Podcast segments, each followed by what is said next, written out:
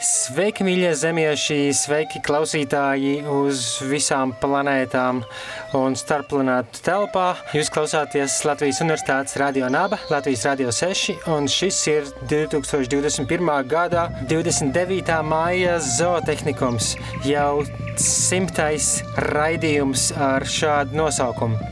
Raidījums zootehnikums ir par cilvēku saskarsmi ar pārējo sugu dzīvniekiem, par to, kā mēs varētu saprasties labāk un sadzīvot labāk, nodarot pēc iespējas mazāk postu un ciešanas. Nu, tomēr cilvēks attīstās, parādās aizvien vairāk iespējas, kā mēs varam palīdzēt viens otram, palīdzēt uh, sev pašiem, gan saviem dzīvniekiem, gan dažādos apstākļos turētajiem, audzētajiem dzīvniekiem. Un par to jums visu stāsta Sandrs Adminis. Un šoreiz raidījuma tēma būs tāds kā reflektīvs atskats uz notikušo visu šo gadu laikā, kopš zootehnikums skan radio ēterā. Bet vispirms īsumā par pāris svarīgākajām pēdējā laika zooziņām.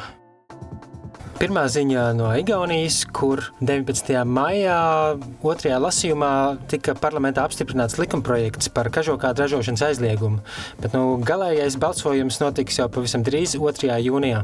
Igauņu organizācija Lomus arī apkopo politiķu sarakstu, kas publiski apsolījuši balsot par grozījumu pieņemšanu, lai sabiedrībai ir skaidrāka bilde par viņu atbalstīto deputātu tā saukto morālo kompasu. Ja šī cietsirdīgā industrija būs apturēta kaimiņos, tas noteikti palīdzēs to panākt arī Latvijā. Otra ziņa ir no Latvijas par lūšu medībām sakarā ar kādu rakstu žurnālā un portālā ir. Lauris Dumbers raksts lūši un lodes būtībā par labu lūšiem un sabiedrības vēlmē viņus pasaudzēt. Viņa apraksta par to, kāpēc lūšu skaitīšanā valda liels juceklis. Karstais jautājums drīzāk ir par to, kāpēc jāšauj, ja viņus var likt mierā. Kā meklējiet rokās, ir rakstu lūši un lodes. Trešā ziņā par to, ka LTV ziņu dienests publicēja tādu īsu video ar skumju mūziķiņu fonā par to, ka Madonas pusē vilki nodāvējuši vienu no govju ganāmpulku teļiem. Runas par to, ka vilki vairojās aiz, aizvien aktīvāk un arī viņus vajag kontrolēt ar medību palīdzību. Bet, nu, man liekas, ka šajā gadījumā ir vērts mazliet paspērt soli atpakaļ, zoom out uztaisīt, lai redzētu pilnīgāku bildi par to, ka Latvijā vien katru gadu nokauja ap 100 tūkstoši govis un teļus, 450 tūkstoši cūkas, 22 tūkstoši aitas, 17 miljonus maiputnus un vēl daudz citas putnus. Salīdzinājumā ar to visu, uz tā visa fona demonizēt vilkus par viena teļa nogalināšanu man šķiet, ka ir maigi sakot, pārspīlēts. Varbūt cilvēcei tomēr jāpaskatās spogulī, lai labāk saprastu, kur rodas visas šīs problēmas, no kā drīzāk būtu jābaidās. Drīzāk jau cilvēki ir paplašinājuši savu teritoriju ar savām zemēm un, un lielfarmām uzbūvētajām, ka savas dzīvniekiem īsti vairs nav kur patvērties un dzīvot. Līdz ar to nav brīnums, ka viņi nāk cilvēku, tā sauktajā cilvēku teritorijā un mēdz uzbrukt viegli noķeramiem mailopiem. Un pēdējā zoziņā ir no Lielbritānijas, kur Pagājušajā nedēļas nogalē Animal Rebellion kustība, dzīvnieku aizstāvības kustība sarīko iespaidīgu valsts mēroga akciju, kuras ietvaros apmēram 50 protestētāji vienlaikus nobloķēja visus četrus McDonald's restorānu produktu piegādes centrus, jeb loģistikas centrus, kas apgādā ap 1300 britu McDonald's ēstuves, kurās ikdienu maltīts ietur 3,8 miljonu cilvēku. Jā, protestētāji ar nu, varētu teikt, miermīlīgas nepakļaušanās stilā sarīkot blokādi, centās pievērst uzmanību lopkopības industrijas lomai klimata krīzē, un viņiem šķiet tas arī izdevās, jo par akciju ziņoja, manuprāt, pat uh, vislielākie britu uh, mēdīji, arī starptautiskie mēdīji. Un, jā, kā tas notika, šie protestētāji ar kravas automašīnām, bambusā, nūju, metālu, trošu, cementu piepildītu mucu konstrukcijām izveidoja tādas kā torņus, kurās viņi piestiprinājās, neļaujot no, no šiem McDonald's piegādes centru teritorijām izbraukt kravas mašīnām, lai izvestu pro produktus. Un par to, ka Animal Rebellion vienlaikus centās ar to pievērst uzmanību vairākām problēmām, liecina akcijas saukļi, kas bija piemēram gaļa un piens, ir klimata krīze, augu valsts pārtikas sistēmu, kā arī izmiršana ir uz visiem laikiem, taisnīguma visām būtnēm, lopkopība izraisa pandēmijas, McDonald's eksploatē darbiniekus un, un citas. Protams, McDonald's ir tikai kā simbols daudz lielāks lielākajai problēmai, par ko Animal Rebellion uzskata lopkopības industriju. Un, un viņi aicina, aicināja arī McDonald's līdz 2025. gadam pāriet uz augu valsts pārtikas ēdienkartes, nu, kas neizklausās baigi realistiski, bet nu, tāds viņiem bija tas oficiālais uh, message, galvenais aicinājums. Un preses relīzē Animal Rebellion arī rakstīja, ka McDonald's un līdzīgām korporācijām rūp tikai maksimāli liela peļņa par katru cenu. Un tas notiek uz klientu, darbinieku, farmu dzīvnieku un dabas rēķina. Tā vietā, lai to turpinātu paciest, sabiedrībai ir jāatgūst kontroli pār pasaules resursiem un lēmumu pieņemšanu un jāgādā, lai mēs radām ilgspējīgu nākotni sev un nākamajām paudzēm. Un izskatās, ka šī masveida blokāde bija Animal Rebellion, nu, tāds pirmais lielais solis, tuvojoties G7 samitam. Un šajā sakarā noteikti gaidām vēl kādi vides un dzīvnieku aizstāvju organizāciju protesti, masveida šādas akcijas, lai pievērstu tam šiem jautājumiem pēc iespējas plašākas sabiedrības un masu mēdīju uzmanību. Tagad laiks mūzikai, un pēc tam atklāšu jums visādus lielākus un mazākus noslēpumus par zootehnikuma pirmsākumiem un lietām, kas notikušas līdz šim brīdim. Raidījumu pilno versiju klausies Latvijas sabiedrisko mediju portālā LSM LV. Šis ir Radio Naba zootehnikums, un šoreiz simtais raidījums, līdz ar to, manuprāt, neizbēgami vajag atskatīties atpakaļ, kā tas viss sākās, kā, kā ir nonākts līdz šim punktam ar raidījumu numur 100 un kas notiks tālāk. Jo savā ziņā zootehnikums ir beidzies. Beidzies. Ugh, intriga! Vispirms sākšu ar to, ka es joprojām neesmu Latvijā. Tuvākajās dienās gan tas būs mainījies, bet joprojām es atrodos Tenerifē, stipri tuvāk Āfrikas kontinentam nekā Eiropas kontinentam, uz nelielas salas, kur es esmu jau pavadījis vairāk nekā gadu visādos īpatnējos apstākļos, satiekot visādus foršus cilvēkus, dzīvojot maksimāli, cik es varu pie dabas un un baudot vis visādas brīnumu lietas, kas te ir okeāna krastā starp klintīm un vulkānu pakājā.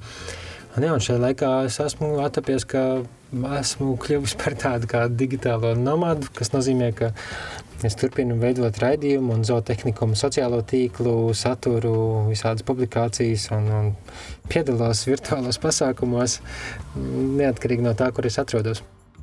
Laikam jau paši pirmsākumi zootehnikumam meklējām ir kādā 2008. gadā, varbūt pat nedaudz iepriekš, Tajā laikā es, es studēju Latvijas Universitātē filozofos, rakstīju savu bakalaura darbu iedziļinājos dažādās tēmās saistībā ar dzīvnieku tiesību jautājumiem, ētiku. Un diezgan daudz, kas jau tajā laikā sāk parādīties podkāstu formātā, kas, kas kaut kā man šķita ļoti ērts un patīkams veids, kā iepazīties ar, ar informāciju, ar cilvēkiem, intervijās un tā tālāk. Pamazām jau arī radās doma, ka hmm, varbūt es kādreiz ar kaut ko tādu varētu nebūt slikti latviešu valodā. Es rakstīju jau blogu, tobrīd dzīvnieku tiesības.wordpress.com, kur joprojām prētam kaut ko publicēju. Kopā ar dombiedriem jau rīkojām uh, dažādas uh, dzīvnieku aizstāvības akcijas un pasākums ar filmām un diskusijām, prezentācijām un garšīgu ēdienu.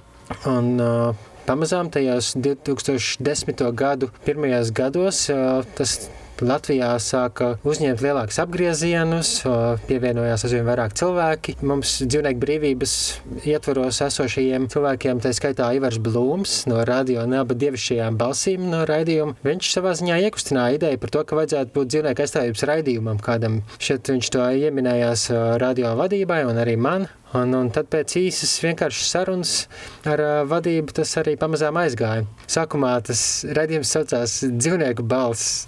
Šobrīd tas liekas tik ļoti tāds cheesy, salkans uh, nosaukums, un, bet nu, no otras puses ne tikai klišejisks, bet, bet arī vienkāršs un tāds tīrs. Jā, tas bija dzīvnieku balss, kā dzīvnieku brīvības aktīvistu radio raidījums, ko sākotnēji veidojām kopā ar Aju Ceplišu, Lauru Škarstu, Annijas Prīvuli, Matīs Apini, Lau, Līvu Siliņu un vēl dažiem citiem, kas bija gatavi iemēģināt savu balsi, smadzeni un nervus raidījumu veidošanā, jo nu, kopš pirmsākumiem bija skaidrs, ka viegli tas nebūs, ja mēs gribam kaut ko kvalitatīvu, jēdzīgu veidot. Pirmā raidījuma ieraksts mums toreiz notika 2015. gadā, pašā sākumā ierakstu studijā uz Tallinas ielas, netālu no Valmieras ielas. Tur mēs ierakstījām turpat, kur ieraksta savus skaņdarbus Skyforger. un tas mums likās, protams, forši un tā iedvesmojoši, jo mēs arī kaut kādā ziņā gribējām būt stipri un skaļi kā viņi. Bet, nu, protams, pašā sākumā mēs bijām drīzāk tādi zaļi gurķi bez pārliecības par sevi, klusām, kautrīgām balstiņām ziņām. Lai gan es, jo, es joprojām nejūtos pārliecināts, ka ar manu balsi ir ok. Katrā ziņā es jūtos daudz, daudz brīvāk un varu vieglāk arī runāt bez iepriekš sagatavota teksta un plāna. Un, iespējams, jūs jau esat personiskā pieredzē sapratuši, ka dzirdēt savu balsi ierakstā ir viena vien, nu, diezgan neticami neumolīga pieredze, vai ne? Vai, vai tad es tiešām šitā izklausos? Jo nu, tā taču ne, tā, tā nedrīkst nevar būt. Protams, ar laiku tas mainās. Tu pierodi pie tā un arī, es domāju, pilnveidojas tas, kā mēs izklāstām savu domu, cik skaidri tas notiek. Svarīgas ir pauzes, uzsvari, balts dinamika, uzmanība uzmanības noturēšana ar dažādiem storytelling, jeb stāstu stāstīšanas elementiem un, un jā, paša stāsta izveidošana. Es absolūti nejūtos profesionāli šajā jomā, bet viennozīmīgi ir sajūta, ka es esmu spēris daudz soļus priekšu un jūtos daudz stabilāk un drošāk par to. Katrā ziņā bieži vien tā sanāk runāšana tīri ar mikrofonu, bezmaz ar sevi, ka tev pat nav sarunbiedrs pretī. Jā, katrā ziņā 2015. gada 12. martā izskanēja pats pirmais uh, dzīvnieku balss raidījuma ieraksts, kas, cik es zinu, bija arī pats pirmais uh, radio raidījums latviešu valodā un, un joprojām vienīgais, kas, kas pēc būtības jau pašos pamatos ir veltīts dzīvnieku aizstāvībai, vegānismam un dzīvniekiem draudzīgam dzīvesveidam visplašākajā nozīmē. Sakotnēji raidījuma sauklis arī bija tāds kalambūrs visiem, kam rūp, kas notiek ar tiem, kur jūt. Tam bija arī īpaši sagatavots jingls, ko palīdzēja izveidot Māra un Dmitrijs no toreiz grupas Karma Free. Šobrīd jau viņi darbojās grupā Māra. Pirmie ieraksti notika arī pie viņiem mājas studijā. Ar viņu nesautīgu palīdzību mēs ierakstījām gan vairākus ierakstus, gan apguvām, kā vispār ar balsi strādāt un tā tālāk. Un pirmajos dzīvnieku balss raidījumos, kas joprojām ir atrodami klausīšanai pieejami Latvijas sabiedrisko mēdīju portālā LSMLV un arī Mixcloud vietnē, ir pieejami visi ieraksti. Ja vēlaties, varat iegūt dzīvnieku balss, ieliekot pēdiņās, un Mixcloud vai LSM, atrast, kur tas saraksts ir. Un pēc dziesmas, es jūs iepazīstināšu ar dažiem, manuprāt, spilgtākajiem raidījumiem no tā laika. Skyforger!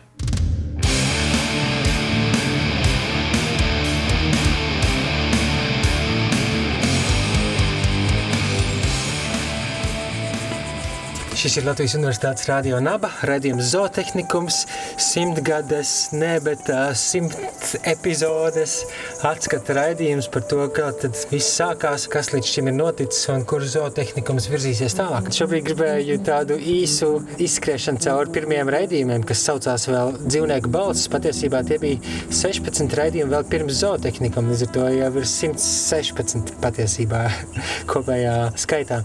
Piemēram, otrajā raidījumā runājām runājām ar Lauru Karnīti, kas to laikā ļoti aktīvi darbojās biedrībā dzīvnieku draugs. Tiešām ļoti daudz ko ir paveikusi dzīvnieku aizstāvības aizsākšanai Latvijā. Ne tikai saistībā ar dzīvnieku patvērsmu dzīvnieku draugs, bet arī ar, ar dažādām akcijām par dzīvniekiem, ko audzē kažokādām, cirkā un, un, un tā tālāk.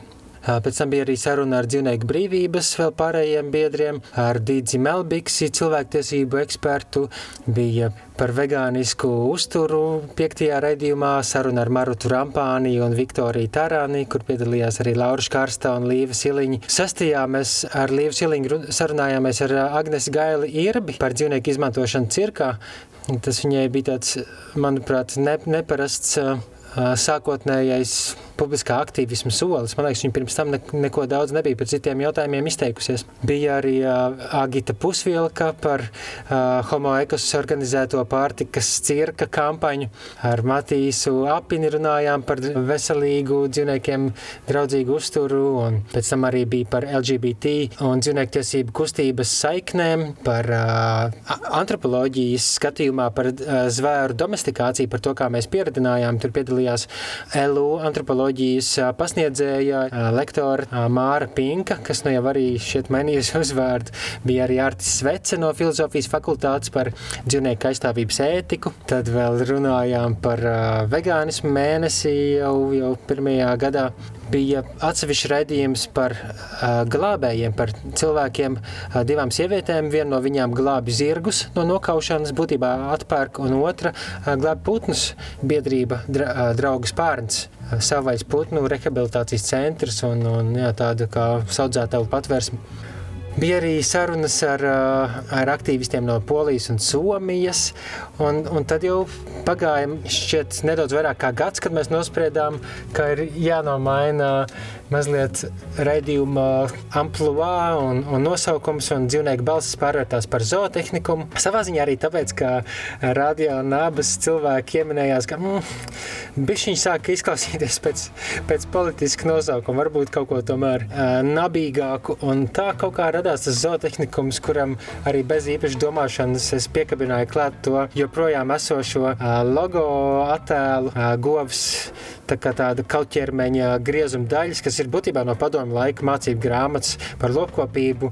Un tam attēlam es piemontēju apakšā dažādu uh, veidu gaļas tekstūru. Nu, it kā tas dzīvnieks būtu kā tāds pūzlis attēls salikts no gabaliņiem sanumurētiem kopā. Un, protams, tā ironiski un mazliet smagnēji. Un jāteic, ka jā, ir, ir pienācis brīdis arī nomainīt to attēlu.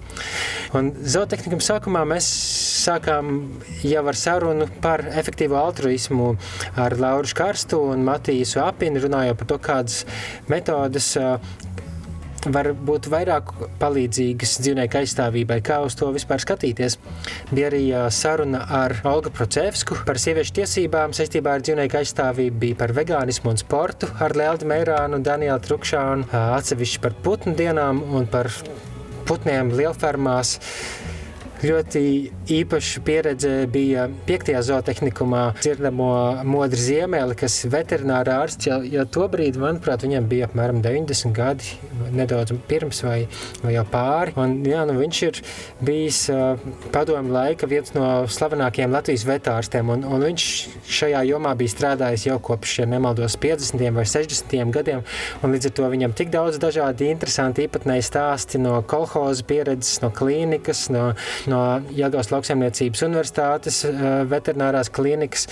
Nu, tiešām ļoti unikāls stāsts gan par to, ka bija pasūtījums no augšas padomju savienības palīdzēt vienam cirka dresētājam, tīģeru dresētājam tik galā ar, ar tīģeriem, kas kļūst pārāk agresīvi, viņus kastrējot, viņiem atrubījot ilkņus, kā viņš pats teica, un, un viņiem arī amputējot nagus. Un vēl visādi ļoti īpatnēji interesanti stāsti no kolorītā modra ziemeļa. Tas bija zootehnikumā numur 5. Pēc tam arī runājām par mātes lomu cilvēku un pārējo dzīvnieku pasaulē. Bija raidījumi par dzīvniekiem draudzīgu ceļošanu un uzņēmēju darbību. Krišāns Zēļģis, dzēnieks, arī pastāstīja par tādām kā aizkulisēm savam dzējas krājumam zvēri, kur viņš pieskārās visdažādākajām ar dzīvniekiem saistītām tēmām, tādā nu, absolūti nepamācošā bet pārdomas rosinošā un sajūtas raisošā veidā. Vasarās zootehnikums pārvērtās par zootehno, fokusējoties vairāk uz mūziku, ar, ar varbūt specifiskām atsaucēm starp skaņdarbiem vai pašās dziesmās. Arī tas tā turpināsies, un ka vasarā jādod lielāka telpa mūzikai, un pēc tam atkal jau rudenī ķeramies pie smagsvara ierakstiem ar nopietnākām, sarežģītākām tēmām un diskusijām. Šis joprojām ir Latvijas Rādio 6, Radio Naba, raidījums Zootehnikums. Katru gadu es dodos uz Luksemburgu Gandrīz katru gadu, kur rudenī notiek dzīvniektiesību konference ar dalībniekiem, lektoriem un diskusijām. Lektoriem no visas pasaules diskusijām par visām tēmām saistībā ar aktīvismu, ar pētījumiem, ar, ar saudzētavu kustības izaugsmu pasaulē. Jā, tātad par to bija raidījums. Pēc tam vēlāk arī Tā pašā 16. gadā aktualizējās dzīvnieku cirka tēma, vai ne? Varbūt atceraties, varbūt pat piedalījāties kādā no neskaitāmiem protestiem. Par to bija šķiet vairāk kā pat viens raidījums. Bija arī intervija ar Rīgā atbraukušo Līzu Kemereri, filozofiju aktīvistu par to, kā mūsu dažādas aizspriedumainās attieksmes pret, pret dzīvniekiem iezīmēs arī tajā, kā mēs izturamies pret dabu kopumā un arī pret sievietēm pretnostatot viņus vīriešiem. Tāds ļoti interesants filozofisks pieejams tam, kas, kas atkal liek aizdomāties par to visu no citas puses.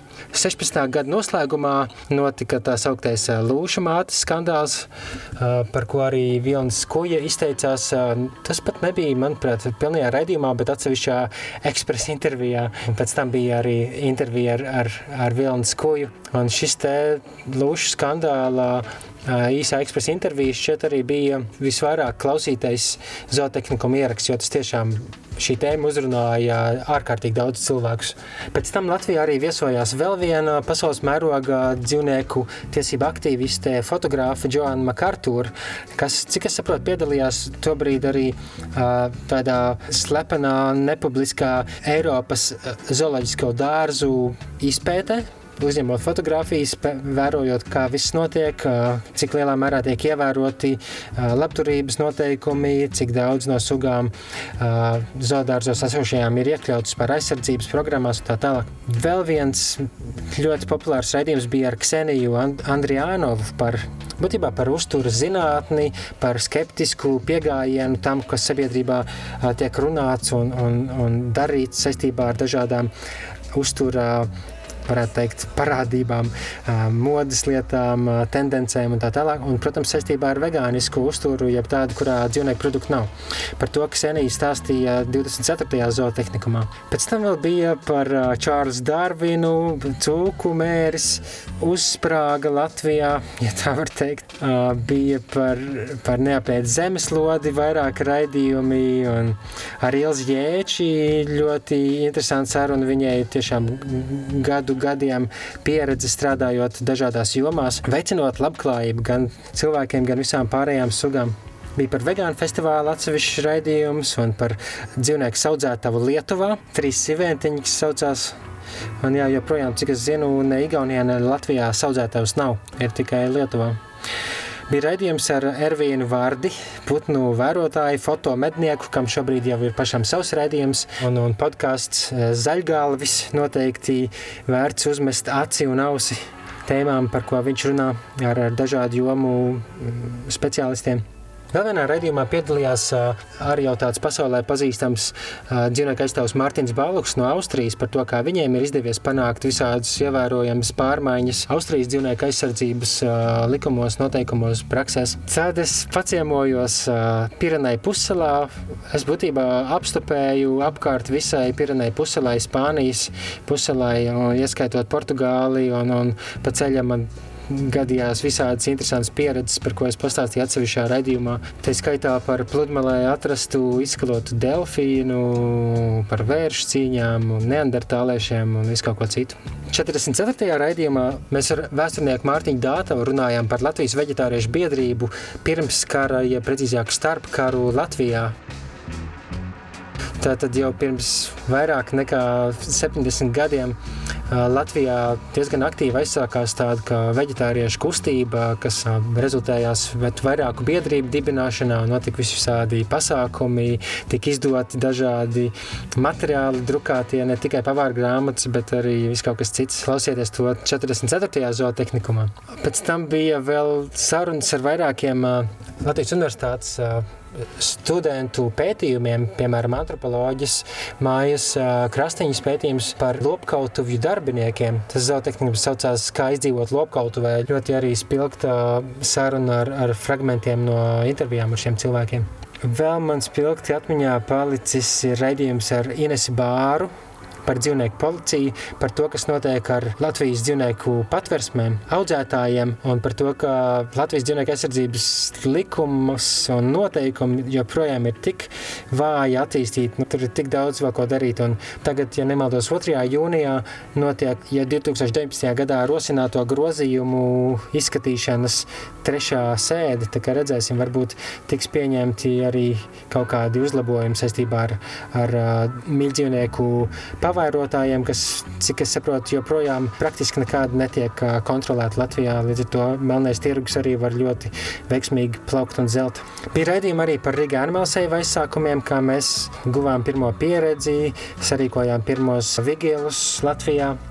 Bija saruna par vistām ar sievieti Maltā dzīvojošu latvietu Irēnu, kas būtībā ir veltījusi visu savu brīvo laiku, lai rūpētos par paglābtām vistām.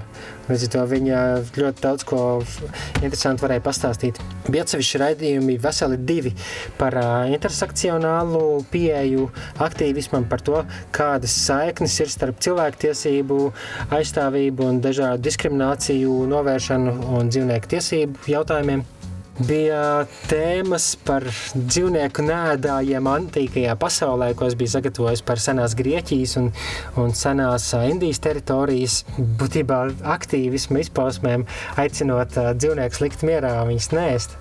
Tad vēl bija tāds interesants gadījums.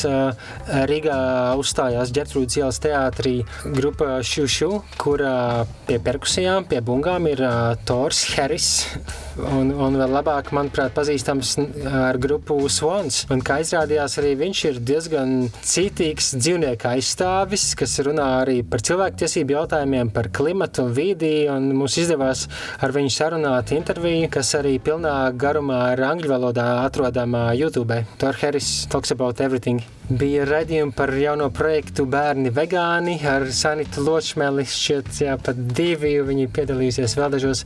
Bija raidījumi par kristietību saistībā ar dzīvnieku aizstāvību, ar latviešu Ziemassvētku tradīcijām saistībā ar, ar dzīvniekiem un, un kā tur iezīmējās mūsu senču attieksmi pret viņiem un miedarbību. Nu, es ar, ar absolūtu gandarījumu un interesi pētu šos jautājumus visdažādākajās jomās. Praktiski katrā nozarē, katrā zinātnē ir kaut kāds skata punkts uz cilvēku un pārējo attiecībām, kas, manuprāt, ir ļoti interesants, vērtīgs, ja mēs gribam mazliet sakārtot to visu un tālākas pētīšanas vērts. Līdz ar to, ja jums varbūt nāk prātā kādi uh, pazīstami cilvēki, paziņas draugi, kas ir to studējuši vai šobrīd veids pētījumu, padodiet man ziņu.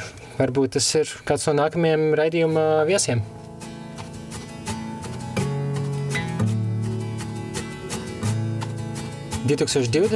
gads iesākās ar Edmundu Cepurīti, kas pastāstīja raidījumā par vidi un lopkopību. Un es domāju, ka daudzi no jums jau par viņu ir dzirdējuši, ir pazīstami ar, ar viņa, manuprāt, ļoti profesionālo un taktisko pieeju šiem jautājumiem. Gan saistībā ar vidi un klimatu, ekoloģijas nozīmē, gan saistībā ar dzīvnieku audzēšanu. Un, jā, viņš šobrīd darbojās Rīgas domē, un, manuprāt, ļoti daudzsološs politiķis, piemērs tam, cik var drosmīgi un, un tālredzīgi runāt par ar vidi saistītajām um, sabiedrības problēmām. Tā pašā pavasarī bija arī saruna ar Loriju Neimanu, jo, jo īsi pirms tam augstskola turība bija sarīkojusi tā saucamo viedokļu dueli, kurā Lorija Neimana, kas ir viena Latvijas uzturspeciālistu organizācijas vadītāja, kur viņi diskutēja ar uh, Andi Brēmani, kas ir otrs lielās Latvijas uzturspeciālists organizācijas vadītājs. Un, uh, jā, galu galā viņi īpaši domstarpībās nebija, un viņiem kopsavēlkot nebija iebildumi par vegānisku uzturu kā tādu, ja tas ir pārdomāts. Man likās, ka nu, tad ir noteikti par to jāparunā arī raidījumā par iespējamiem klupšanas akmeņiem, par to, kāpēc varbūt līdz šim sabiedrībā pastāvējuši dažādi aizspriedumi vai pār pārpratumi vai arī varbūt pavisam patiesa kritiska attieksme pret uh, vegānisku uzturu, kas pamazām izzūd līdz tādam līmenim, ka pat vadošie Latvijas uzturu speciālisti pret to neiebilst, jo tas ir pārdomāti darīts. Bija raidījums par zoonotiskajām saknēm mums, mūsu visu mīļajām pēdiņās koronavīrusam, par to, no kurienes tas viss ir nācis, kāpēc tas varētu būt saistīts ar kādiem savais dzīvniekiem un kādā veidā tas nonāk līdz cilvēkiem. Bija raidījumi par lieldienām, gan, gan šogad, gan pagājušajā gadā mātes dienai veltīts raidījums ar, ar ļoti sirsnīgiem, jaukiem personiskiem stāstiem no vairākām cilvēku mātēm, kas aizstāv arī pārējos dzīvniekus. Bija saruna ar Kārli Bardeli, kas viens pats pārējais pāri veseliem diviem okeāniem, izrādās, ka viņš to vismaz otro okeānu pieveicis ir pilnībā nelietojot neko no dzīvnieku produktiem. Tas bija tiešām pārsteidzoši, viņa piedzīvojumi, pieredze saskaroties ar dažādiem uh, okeāna iemītniekiem arī tiešām fascinējoši. Kārlis Bardelis laivā pāri okeāniem ir nosaukums šim zootehnikumam. Pēc tam bija raidījums par jauniem veselības uz, uh, veselības ministrijas uztur ieteikumiem, kas bija apjaunināti pēc, ja nemaldos, 12 gadiem. Par to, vai tie ir kļuvuši draudzīgāk dzīvniekiem, un, un es teiktu, ka jā. Bija redzījums ar Gundagu Bideri par to, ka dzīvnieku glābēji sauc palīgā, un tas ir jau par iepriekš minēto un tu, tuvākajās dienās notiekošo uh, balsojumu, ne balsojumu, bet uh, sēdi par uh, dzīvnieku aizsardzības likuma grozījumiem, jo, jo tiešām ir daudz ko uzlabot. Bija atsevišķi redzījums par žurkām, kurā Anna Vilnīta pastāstīja par, par saviem astēnajiem draugiem un par to, kādi viņi ir, ko, ko viņi dara un kāpēc no viņiem varbūt vajadzētu baidīties mazāk nekā bieži vien cilvēki baidās. Bija Pasaules dabas fonda pārstāve Elīna Pekšēna raidījumā Planētai draudzīgs uzturs, Bija vesels redzējums par folkloru un vegānismu plašā nozīmē, kur dažādi ar folkloru saistīti cilvēki padalījās savā pieredzē par to, kā viņiem izdodas apvienot savu iesaisti folkloras kopās un dažādās aktivitātēs ar to, ka viņi ir izvēlējušies vegānismu kā savu pasaules skatījumu, kurā dzīvnieku izmantošana nenotiek. Bija ar jūras bioloģiju saruna ar Valentīnu Burdukovsku par astoņkājiem, Un šī gada sākumā arī par notikumu ar izbēgušiem Latvijas vilkiem, kas tika aizvesti uz Franciju un izbēga. Un, un, jā, komplektā ar to sarunu par zoodārzu, zooloģisko dārzniecību, kā es to nosaucu, ar, ar Gunu Vītolu no Rīgas zoo un Vilnas kuju, kas ir, nu, manuprāt, viens no pašiem pazīstamākajiem dzīvnieku speciālistiem Latvijā. Un vis, visādas citas tēmas, ko es nepieminēšu, meklējiet pēdējos raidījumus par Seaspiracy, mākslu, mākslu, dzīvnieku aizstāvībai, par eh, jauno pavāru grāmatu vegāns virtuvē. Arī šādi un tādi video ir tapuši pa šiem gadiem, kas ir atrodami YouTube, zootehnikuma, tādi kā reportāžu video. Un, nu, Man ir joprojām pamatīgs sarakstīns ar tēmām un, un viesu vārdiem, ko es gribu uh, noķert nākotnē. Tā kā skaidrs, ka es pie malas šo nemetīšu, bet es domāju, ir laiks zootehnikumam mazliet mainīt uh, ampluā vai, vai imīdžu, vai kā nu jūs to gribat saukt gan nosaukumā, gan, gan uh, vizuālajā tēlā, gan, gan kopējā pieejā. Redzēsim, kā tas īstenosies, bet uh, būs pārmaiņas. Un es ceru no jums saņemt arī atsauksmes par to, kas, kas jums šķiet visvērtīgākais, visnoderīgākais, pie kā noteikti vajag palikt un, un ko vajag attīstīt tālāk. Tātad tas bija mājiens. Jums lūdzu tiem, kas novērtē zootehniku un, un, un citas lietas, ar ko es nodarbojos, nekautrējieties man padalīties ar savu viedokli, ar saviem iespaidiem. Vis, es pat visvairāk priecātos par kritiskiem vārdiem un rosinājumiem. Hei, tev izdotos daudz vairāk sasniegt cilvēkus un uzrunāt, ja tu pamēģinātu uh, stāstīt uh, vairāk tā un šitā vai par tām un tām lietām.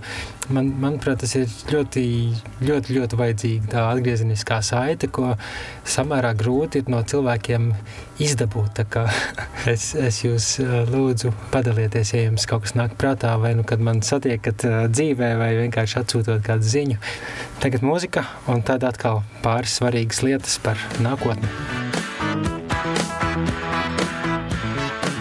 Kā jau esat varbūt pamanījuši, zootehnikums pa šiem gadiem ir arī aizvien aktīvāks kļuvis sociālajos tīklos, it īpaši Facebook lapā parādās visvisādas bildes un video par katru no raidījuma tēmām ar dažādiem faktiem, ziņām, diskusijām. Kas tad tālāk? Man gribētos galvenokārt teikt, ka manu interešu un prioritāšu sarakstā šobrīd nekas nav tik svarīgi, nekas nav tik skaidrs, kā tas, ka es turpināšu veidot dzīvnieku aizstāvības saturu, tā skaitā raidījumu, video gribu veidot vairāk visdažādāko veidu aktivitātes, ka tas būs atkal iespējams. Neatkarīgi no tā, kur es esmu, tas, tas nav svarīgi. Manuprāt, ir, ir jāuzrunā dažādas sabiedrības grupas, un, un man personiski visnoderīgāk izaugsmēji ir izmēģināt visdažādākajās jomās saistībā ar dažādiem jautājumiem, uzrunājot dažādus cilvēkus, sadarbojoties un, un kopā veidojot pasākumus, notikumus un, un raidījumus. Skaidrs, ka tas, ar ko es nodarbojos, ir tāds kā emocionāls darbs. Jo nemitīgi jātiek galā ar dažādām skarbām, depresīvām ziņām un faktiem, informāciju par to, kas ir kļuvusi par standartu dzīvnieku audzēšanas industrijās, kurās būtībā mans pienākums ir iedziļināties līdz dziļākajiem, tumšākajiem kaktiem. Es jūtu, ka mans pienākums ir iedziļināties vis, visbriesmīgākajos nodarījumos pret dzīvniekiem, dažādās dramatiskās, pat globāla mēroga problēmās, kas nu, reizēm tiek paslaucītas zem cilvēka labumu orientētiem tepiķīšiem nu, neizbēgami šī visa sakarā nāks iesaistīties asās viedokļu apmaiņās, kurās es mācos joprojām neļauties impulsīvām reakcijām un, un provokatīviem izteikumiem, bet pieklājīgi uzdot uh, svarīgus, uh, sakarīgus jautājumus, saprotamā veidā, labticīgi uzklausīt cilvēku atbildes, nu, interpretējot tās maksimāli uh, labvēlīgā gaismā un arī neuztvert personīgi nekāda veida šļuras un, un, un verbālās nesaturēšanas zināšanas, kas, kas cilvēku komunikācijā, manuprāt, ir stipri par daudz. Tad pie tā mums vēl daudz jāstrādā. Un arī jā, šajā ziņā es sev redzu vietu un aicinājumu ar pozitīvu piemēru popularizēt. Nu, es to saucu par nevardarbīgu komunikāciju, konstruktīvu sarunu vienmēr apzinoties to, kas mums ir kopīgais, svarīgais. Un to, ka visticamāk pat visnegantākie sarunu biedri, visdažādākajās diskusijās patiesībā jau grib tikai labu sabiedrībai kopumā vai vismaz kādai tās daļai, un nav varbūt vienkārši izvēlējušies labākos izteiksmes līdzekļus, vai, vai ir, ir vērts kopīgā sarunā mazliet pavirzīties uz priekšu, lai saprastu, kā, kā varētu tas kopējais labums tikt sasniegts ar, ar mazāk asumiem. Un daudz vieglāk to var darīt, kad, kad ir iespēja pabūt pie dabas, iziet, pastaigāties, izkustēties, pabaudīt sauli un siltumu. Un es domāju, ka tādā ziņā šis gads, ko es esmu pavadījis Tenerifē, man ļāva daudz vieglāk tikt galā ar, ar, ar dienām, kas, kas nebija vieglākās dienas, nu, vai kaut kādiem notikumiem, kad izskanēja, piemēram, ziņas par milzu ugunsgrēkiem. Nu, Latvijā ugunsgrēkā sadegā vairāk tūkstoši dzīvnieku, un, un ASV un Eiropā Covid ierobežojumu dēļ neskaitāmi tūkstoši un pat miljoni dzīvnieku tika masveidā iznīcināti fermās. Labi, par to es pat vairs negribu turpināt, bet, bet uh, es gribu to, to visu darīt, un es zinu, ka tas emocionāli, psiholoģiski kaut ko maksā, un pie tā ir jāstrādā arī tādā personiskā ziņā, lai, lai saglabātu sevi spēju, potenciālu darboties ilgtspējīgi. Katrā ziņā es jūtos labi, gribu turpināt. Ļoti reti dzirdu saturīgas sūdzības par saturu, ja neskaidrs cilvēks internetā, kam patīk paburkšķēt un kam nepatīk kopumā dzīvnieku aizstāvības, praktiski jebkādi centieni un vidas aizsardzības diskusijas. Un, jā, pašā noslēgumā es gribu milzīgu paldies teikt visiem Patreon atbalstītājiem, patroniem, bijušajiem, esošajiem un topošajiem. Tie ir, nu, es domāju, jau kādus pussimts cilvēku kopumā bijuši, kas mainās un Īsi sakot, Patreon ir pūļu finansēšanas platforma internetā, kur cilvēki var atbalstīt ar nelieliem regulāriem ziedojumiem dažādas iniciatīvas, māksliniekus un aktīvistus. Un man arī izdevies savākt veselu čupiņu ar šādiem brīnišķīgiem, nesautīgi palīdzošiem cilvēkiem, kam nu, būtībā vienīgais, ko es dodu pretī vairāk nekā jums visiem pārējiem, ir tas, ka viņiem ir iespēja palasīt uh, Patreonā kādas uh, slēgtos ierakstus par to, kas notiek mana darba aizkulisēs vai palīdz pieņemt kaut kāds lēmums saistībā ar zootehniku nākotni un tā tālāk. Un šie cilvēki ir Undīna Krievāne, Kārlis Grundiņš, Zāne Platina, Dāvis Atstiņš, Lita Dubrova, Anna Vilnīte, Sanita Ločmele, Dārta Rutkele, Laura Škarsta, Viktorija Tarane, Andrejs Vērza, Zane Brakovska, Baiba Dakša, Kārlis Vasarietis, Mārtiņš Mičulis, Santa Purlaura, Mārtiņš Barinskis, Agate Freiberga, Signe Mičule, Laila Deruma, Ieva Gedzuna, Snore Svensons, Ieva Pudure, Helvijas Sebris, Nēla Netra, Ilga Valodze Ābele, Dāvis Frīdenvalds, Zane Riekstiņa, Edgars Peltsbergs, Sabīne Ādmine, paldies arī Gatim Baronam, Ivo Kurzemniekam, Madarai, Karlīnai, Rūtai, Valtam, Inetai, Adretai, Simonai, Nataļai, Monikai, Indrai, Jurim, Anitai, Uldim Gedram un Madaram Štramdieram no Radio Nabas un arī cilvēkam, kas sevi sauc par kristālu dzidro. Un, un vēl būtu milzīgs saraksts ar pārējiem, kas visādos veidos palīdzējuši raidījuma tapšanā, informācijas vākšanā, viesu atrašanā un tā tālāk.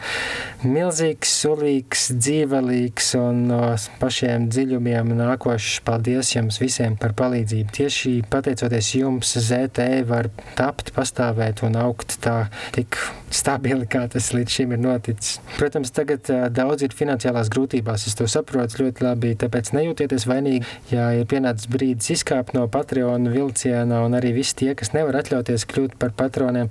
Zootehnika man ļoti palīdz tas, ka jūs iesakāt draugiem paklausīties, jūs šērojat, iesaistāties diskusijās, iesūtat man dažādas ziņas, idejas, jautājumus, ierosinājumus, jo tas viss man ļauj sajust, ka, ka patiešām ap šo visu ir izaugusi vērā ņemama cilvēku grupa, kas novērtē zootehnikuma pastāvēšanu darbību un ir gatava arī palīdzēt to virzīt uz priekšu. Un kas man ir ārkārtīgi svarīgi, jūs to man ļaujat darīt paši izvēlētā veidā, tempā un apjomā, bez jebkādas cenzūras, ierobežojumiem.